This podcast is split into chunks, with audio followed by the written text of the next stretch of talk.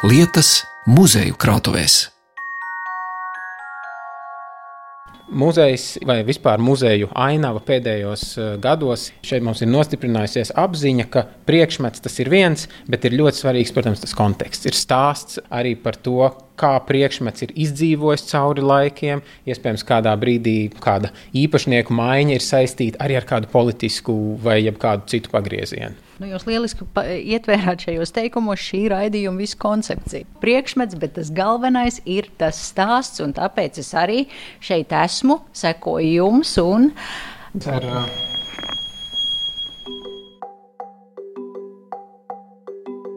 Mūsu muzeja misija ir dokumentēt Latvijas vēsturi visās tās posmos un visās jomās, saka Latvijas Nacionālā vēstures muzeja viduslaiku, jauno un jaunāko laiku vēstures pētniecības nodaļas vadītājs Imants Cīrulis, vedot mani gar plauktu sistēmām, kur akurātās rindās, skapjos un atvilknēs ir sakārtoti visdažādākie dokumenti, sākot no 14. gadsimta līdz šim gadam.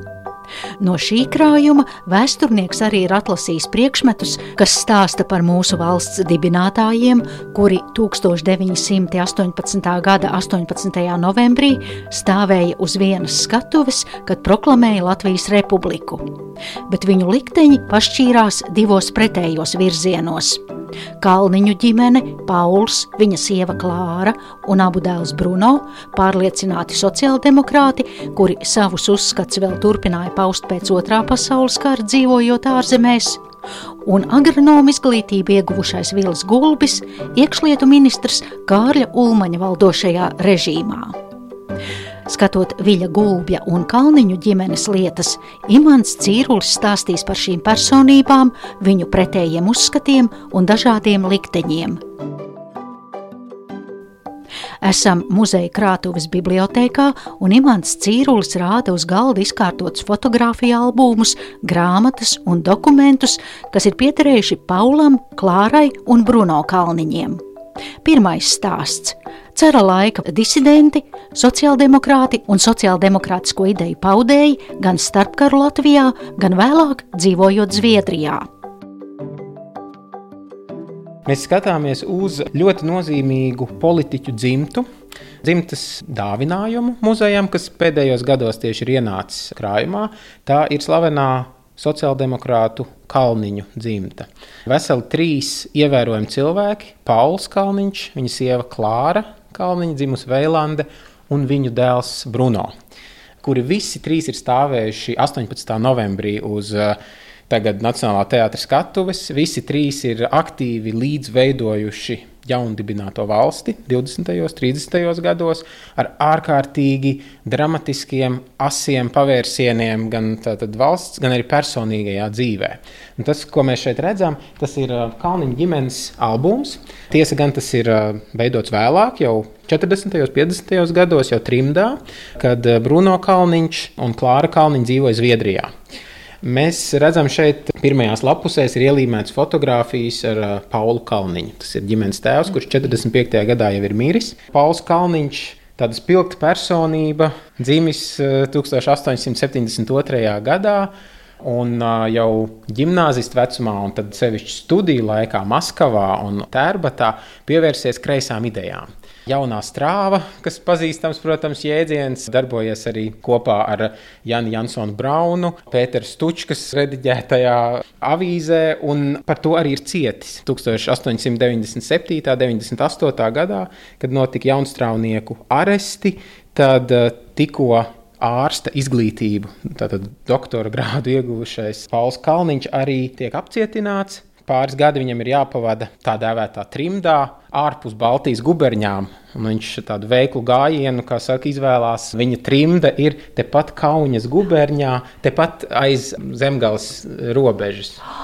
Un jūs man rādāt tādu sērkociņu kārbiņas lieluma mazu, mazu lapiņu, uz kuras ir, es pieņemu, ar tinti, un tur ir rakstīts Paula zīmējums 1899. gadā, un uzzīmēta tā, es mēģinu saburtot. Tur ir vāciski rakstīts doktorāts, jaungada sveicieni no žagares. Zīmējums ir tik sīgs. Nu, varētu teikt, ka šis mazais zīmējums ļoti labi raksturo Kalniņa arī nu, tā brīža tādu amplitūdu, kurš tik, tikko ir ieguvis augstāko izglītību, bet savas politiskās pārliecības dēļ ir spiests emigrēt. Un tas, ko viņš pats arī vēlāk atzīst intervijās, ka viņš ieguva zināmu konspiratora rūdījumu. Vairākas reizes nelegāli šķērsojot robežu. Tas notiek arī pirms 5. gada revolūcijas un arī pēc 5. gada revolūcijas, kad viņš gan viens pats, gan kopā ar ģimeni vairākas reizes bēg caur Vāciju uz Šveici un tad atpakaļ. Un tad ir nelegālā tipogrāfija ierīkot gan sievas mājās, pie Klāras Kalniņas, gan Jelgavā. Šie viņa jaunības gadi Paulam Kalniņam paiet slēpjoties no cara žandarmērijas un vienlaikus iestājoties stiprinot šo sociāldemokrātisko, sociālistisko, ja, tātad revolucionāro tajā brīdī politiku Kurzemes guberņā. Paulam Kalniņam viņam šādu politisko darbību viņam draudēja represijas, daudz citu viņa līdzcīnītāji un biedri patiešām tika arī smagi represēti vairāk gadu izsūtījumu nu, tālāk dziļāk Krievijā vai devās trimdā. Tie bija tie cilvēki, kuri 1918. gada novembrī viņi jau nāca ar šo nu, tādu biogrāfisko bagāžu, ka viņi nu, bija rūtīti politiķi, varētu teikt, vai drīzāk tādi nelegālie politiķi, kur tad beidzot pirmo reizi uzkāpa uz politikas skatuves. It sevišķi tas attiecās uz kreisajiem sociāldemokrātiem, sociāldemokrātiem nu, arī tie, kas vēlāk varbūt radikālākām Leņķina idejām pievērsās Vai arī kā Kalniņa gadījumā, sociāldemokrāti ir mērenāki, mazinieki. Un... Bet Bruno Kalniņš, viņa dēls, arī kā pārliecināts sociāldemokrāts. Es saprotu, viņš vienkārši šajā ģimenē jau, kā saka, ar mātes pienu iesūdz. Tiešām pārnestā nozīmē visas šīs idejas no vecākiem. Ar mātes pienu pilnīgi noteikti, un arī eh, laikam tāda epizode ir no pašas agrīnākās Bruno Kalniņa bērnības, atgriežoties Jelgavā Kalniņu ģimene nodibināja vai ierīkoja nelegālu uh, spiestuvi, uh, kur izplatīja viens no pirmajām šīm skrejlapām. Un tas ir jāiztēlojas, ka 1899. gadā dzimušais mazais Bruno turpat uh, rotaļājoties, un turpat vecāki ar saviem sarkanajiem uh, līdzbiedriem iespiež šīs lapeles. Nu, tas bija to, ko arī Bruno Kalniņš vēlāk savā grāmatā apraksta. Ka ar viņu vecāki runāja par šīm lielajām politikas lietām ļoti atklāti. Kā ar pieaugušu cilvēku. Un tas arī noveda pie, teikt, tāda fenomena, vai varbūt tā ir likumsakarība, ka Bruno Kalniņš arī stāvēja uz Latvijas valsts dibināšanas šīs skatuves. Tajā brīdī viņam bija 19 gadi. Viņš bija visjaunākais valsts dibinātājs. Tajā brīdī kad Sociāldemokrāta partija, tas jau ir jau vēlāk, tad jau pēc 17. gada revolūcijas, bija iznākusi no pagrīdes. Bruno Kalniņš vadīja tās jaunatnes nodaļu, kurā bija vairāki tūkstoši biedru un daža laba pilsoniskā partija, nu, tātad labējā vai centriskā partija, nevarēja pat lepoties ar tik lielu biedru skaitu, kā viens nu, zaļoksnis puišelis spēja norganizēt. Nu, tā ir apbrīnojama enerģija, bet, protams, ir jāuzsver, ka gan Paula Kalniņa gadījumā, gan Bruno Kalniņa gadījumā tas ir ļoti pretrunīgs stāsts. Sociāldemokrāti tikai 1917. un 18. gadā bija tā pa īstam sarāvuši saites ar radikālajiem, tātad Leņķina atbalstītājiem, ar komunistiem. Ļoti pretrunīgas personības, bet tas, kas izceļ Kalniņu dzimtas pārstāvjus, ir tas, ka kritiskajos brīžos, it sevišķi 1919. gada sākumā, kad tik, tikko Latvija ir nodibināta un pagaidu valdība ar Kārlu Ulmanu priekšgalā ir spiesta doties uz Liepāju, tad Bruno Kalniņš ir viens no tiem, kas ļoti talantīgi un enerģiski aicina arī tos kreisi noskaņotos strādniekus tomēr atbalstīt šo pēdiņās buržuāzisko valdību ar tādu argumentu, ka šajā demokrātiskajā Latvijā, nu tad tajā mēs cīnīsimies par strādnieku interesēm. Un nevis kā padomju Krievijā, kur bolševiki jau bija nu, ķērušies pie pavisam asiņainām metodēm. Tā ir tāda, nu, es teiktu, jā, balansēšana uz uh, naža asmens, bieži vien arī 20. gados, bet nenoliedzami šīs personības ir sabiedrības uzmanības priekšplānā. Piemēram, Pauls Kalniņš, bijušais revolucionārs. Viņš kļūst par tiešām talantīgi politiķi. viņš eh, nomet to savu revolucionāru mētelīti un kļūst 20. gadu sākumā par īstu parlamentārieti, par tik cienījamu parlamentārieti, ka pat eh, viņa politiskie oponenti ir gatavi viņu apstiprināt saimnes priekšsēdētāja amatā. Viņš deviņus gadus ir saimnes priekšsēdētājs. Pauls Kalniņš tiešām, kad viņam 32. gadā tiek atzīmēta jubileja, tad tās svinības un tie godinājumi, ko viņš saņem, nu, kā tā laika presē raksta, nu, mūsu prezidentu pat tik ļoti nesumina, kā šo kreiso Paulu Kalniņu, veco revolucionāru, tagad mūsu otrais cilvēks valstī, uzreizais valsts prezidents, saimnes priekšsēdētājs. Muzeja krājumā ir vizītkarte, uz kuras franču valodā ir rakstīts Sājumas priekšsēdētājs Pauls Kalniņš.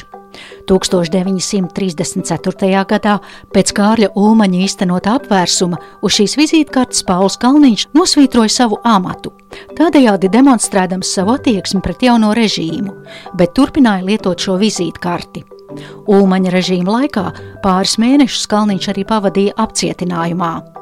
Vēlāk, Otrā pasaules kara laikā, viņš bija viens no centrālās padomas dibinātājiem, bet kara nogalē devās emigrācijā. 1945. gada augustā Pauls Kalniņš nomira Austrijas pilsētā Lustenavā.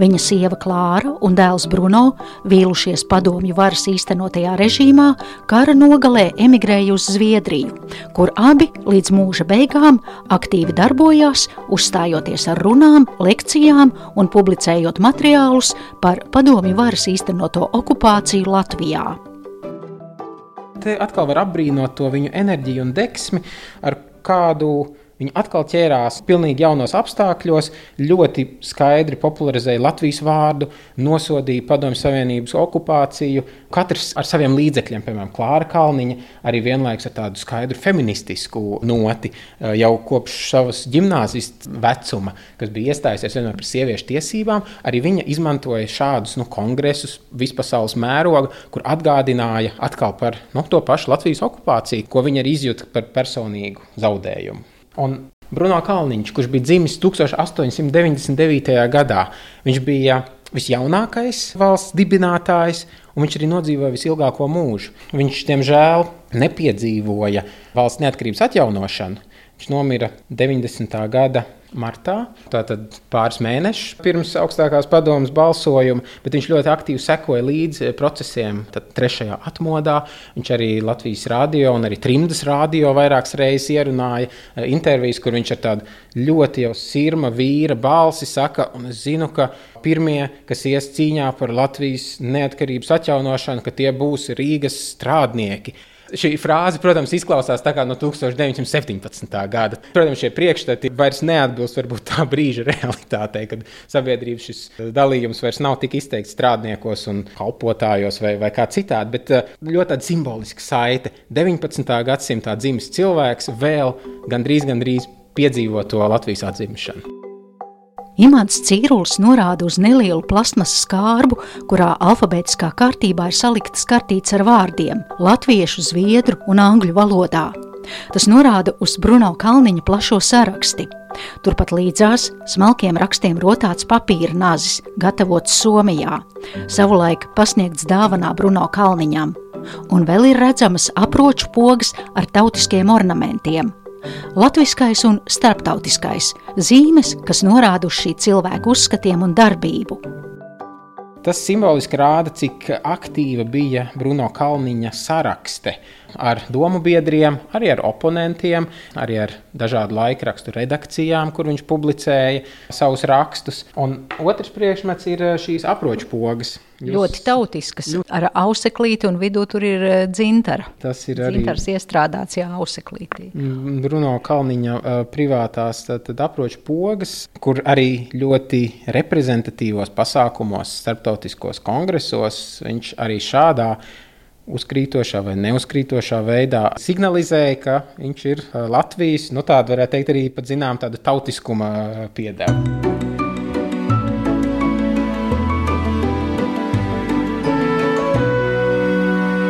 Vietu lietas.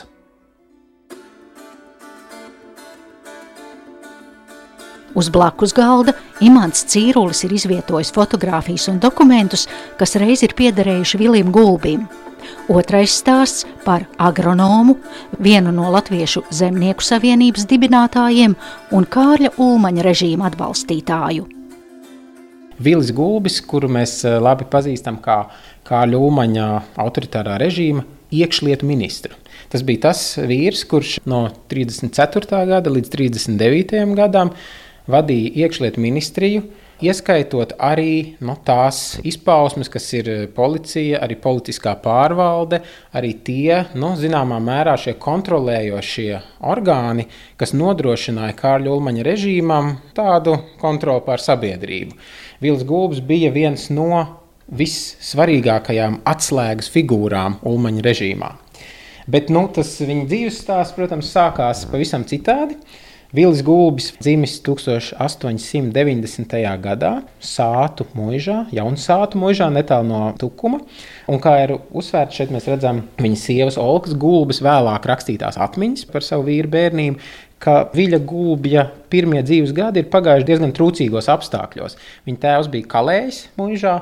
Un šis jaunais puisis soli pa solim caur labas izglītības iegūšanu nonāca līdz nu, tādam kāpa, varētu teikt, pa kāpnēm uz augšu dzīvē. Izsitās no diezgan trūcīgiem apstākļiem, ieguva izglītību, tad eh, studēja Rīgas Politehniskajā institūtā agronoma grādu iegūdams.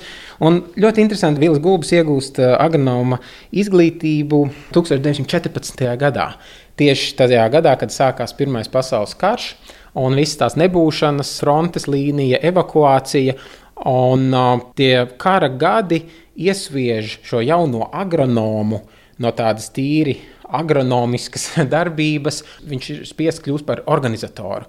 Viņš organizē vidzemes guberņas apgādi ar lauksaimniecības produktiem, un tieši šī organizatora spēja noved līdz tam, ka 1917. gadā, kad sabrūk cara režīms, tad citi lauksaimnieki un tikko nodibinātā Latviešu zemnieku savienība deleģē Vili Gulbi arī uz Tautas padomi. Tātad to organizāciju, kas nodibina Latvijas valsti.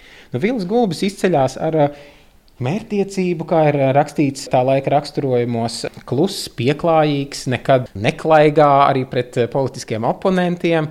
Un uh, vēlāk, jau saimnes laikā, jau 20. gada otrajā pusē, vienmēr esot tā rūpīgi noklausījies, ko viņam oponenti pārmeta tad uh, mierīgi lūdzis vārdu, lai var uzstāties atkal saimnes prezidija galda, un tad punktu pa punktam atspēkojas tos visus pārmetumus. Nu, viņš ir tāds talantīgs organizators, un viņš vēl pirms Kārļa Umaņa apvērsuma vairākas reizes ir um, zemkopības ministrs, atbilstoši savai tātad, izglītībai, kā agronoms, kādu brīdi pat arī izglītības ministrs. Un uh, Kārlis Ulmans visticamāk bija nolūkojis Vili Gulbi ar tādu diezgan skaidru aprēķinu, ka tas varētu būt viens potenciālais sabiedrotais apvērsuma veikšanā. Jau 33. gada nogalē, kad Kārlis Ulmans jau visticamāk soli pa solim gāja uz to, un uh, 34. gada Pavasarī, tas ir pāris mēnešus pirms apvērsuma, eh, Vilis Gulbis kļuva kādu umaņā valdībā par iekšlietu ministru. Un tad, kā pats Vilis Gulbis ir atzinis jau 40. gadā, tas bija čekas pratināšanā, viņš eh, apraksta, ka pāris dienas iepriekš Kārls Ulmans ir viņu informējis, ka briest tātad apvērsums, un ka kopā ar ģenerāli Jāni Balodi šie trīs vīri būs tie, kas praktiski veiks tos svarīgākos soļus.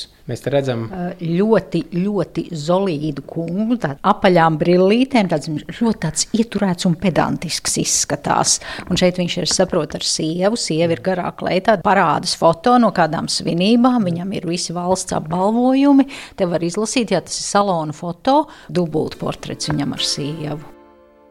Vērtīgs devums muzejam ir Vilim Gulbim piešķirtie valsts apbalvojumi. Tie atrodas Nacionālā vēstures muzeja numismātikas nodaļas galvenā krājuma glabātājas Laimas Kostricas pārziņā. Tas ir trīs zvaigžņu ordenis. Viņam bija divas pakāpes, ne vai? Ordenim pavisam ir piecas šķiras, un e, Vilis Gulbis ir dabūjis visas 4, 3, 2 un 1 šķiru. Bet cik zīmīgi, ka Jā. tās zemākās šķiras gulbis ir saņēmis vēl demokrātijas laikā. Un tikai tad, kad viņš ir jau Ulmaņa valdībā, iekšlietu ministrs, pirmo šķiru jau tikai 37. Jā. gadā, kad viņš jau ir jau tajā amatā. Tā, un tā tad viņš ir saņēmis 27. gadā Somijas Balto Rozes ordeni. Cik 1919. gadā dibināts ordenis, ko piešķīra gan par militāriem, gan arī par civiliem nopelniem, un tikai īpašos gadījumos viņi piešķīra ārzemniekiem. Mums gan ir vairāk, kas ir saņēmuši, tad ģenerālis Jānis Balodis ir saņēmis Baltās rozes ordeni. Bet, nu, pats ordenis ir ļoti skaists. Balts zemāls krusts ar grifoniem, kas tur rokā šķēpus. Kāds tad eh, bija šī Baltās rozes ordeņa pamatojums, kāpēc viņam piešķīra? Nu, Viļa gulbi gadījumā tas ir saistīts ar 1919. gadu, kad Ulmaņa vadītā pagaidu valdība bija spiest uzturēties Liepājā, bet vienlaikus no Ziemeļlatvijas, no Igaunijas varēja sākties nu, Latvijas atbrīvošana ar sabiedrotajiem Igauniem. Un tur Vilis Gulbis mūsu valdības uzdevumā arī organizēja spēkus atbrīvotajos pagastos, pārsvarā Valmieras apriņķī, Valkas apriņķī, spiežot uh, lieliniekus tātad uz dienvidiem. Civilajā pārvaldē, piemēram, Vilis Gulbis organizēja, cik no kura pagasta vajag eh, labību nodot jaunu veidojamām šīm militārām vienībām. Sākumā Igauniju bruņoto spēku sastāvā un pēc tam jau Jorģa Zemitāna vienību sastāvā. Un tur Igaunijā, Tallinā tiekoties arī ar eh, Somijas un arī ar brīvprātīgo šo somu pārstāvjiem, tad eh, tādā veidā gulbis izpelnījās Igaunijas un arī Somijas eh, visaugstāko atzinību. Tā. Vēl mums ir nonācis Lietuvas ģedemina ordenis. Tas ir pirmās šķiras, ģedemina ordeņa zvaigzne. Nu, vēl viens, tas ir Norvēģijas Olafa ordenis. Un tas ir Norvēģijas augstākais apbalvojums. Tā tad arī pirmā šķiras ordeņa zvaigzne, kur mēs redzam 1, 2, 3, 4, 5, 6, 7, 8 stūra zvaigznes. Centrā ir šī ordeņa zīme, baltais malts krusts. Krusta stūros ir O, kronēto burtiņu, tātad o, no Olafa. Un centrā ir Norvēģijas lauva ar šķēpu rokās. Ne, nu, no visiem šiem izliktajiem ordeņiem tā nu, ļoti sievišķīgi gribas teikt, vai cik skaista piespraudīta. Jā, protams, tā, var, nu, jā, tā nevērtē, jā, bet nu, jā, arī tomēr nu, tas estētiskais vai tas vizuālais. Nu, jā, nu, tas, ir, tas ir arī vissanākais ordenis, jo viņa paša sākuma ordenis ir dibināts 1840. gadu beigās. Jā, tātad 1800. Šie jau ir daudz vēlāk. Triju zvaigžņu ordenis 1924. gadā, Baltā roza 19 un Ģedemina ordenis ir 28. gadā par godu Lietuvas Republikas desmitgadu jubileju. Diemžēl padomju okupācijas laikā 1940. gadā Vili Gulbi apcietina un divus gadus vēlāk Astrahaņas cietumā viņam izpilda nāves sodu nošaujot. Nu, tā beidzās viena valsts dibinātāja mūžs, kurš bija iestājies savulaik par demokrātiskās Latvijas nodibināšanu, ļoti aktīvi darbojies brīvi ievēlētajā saimā. Un vienlaikus, protams, arī bija viens no galvenajiem demokrātijas nu, jā, kapračiem. Mēs redzam, cik traģiski beidzās šis liktenis. Turpat gandrīz vienaudzis Bruno Kalniņš, arī ar ļoti neviennozīmīgu devumu Latvijas valstiskumā, bet jūras otrā krastā. Tad līdz pat 1990. gadam dzīvoja šādi divi likteņi, valsts dibinātāju likteņi. Tas bija stāsts par personībām ar dažādiem uzskatiem, bet vienas valsts dibinātājiem. Par stāstījumu saku paldies Latvijas Nacionālā vēstures muzeja speciālistiem Laimai Kostricai un Imantam Cīrulim. Piebilstu, ka mūsu radio interneta portālā pie šī raidījuma apraksta var aplūkot Kalniņu ģimenes un Viļa gulbja fotogrāfijas un viņiem piedarošos priekšmetus. Raidījumu veidoja Zane Lāce Baltalksne. Vietu lietas.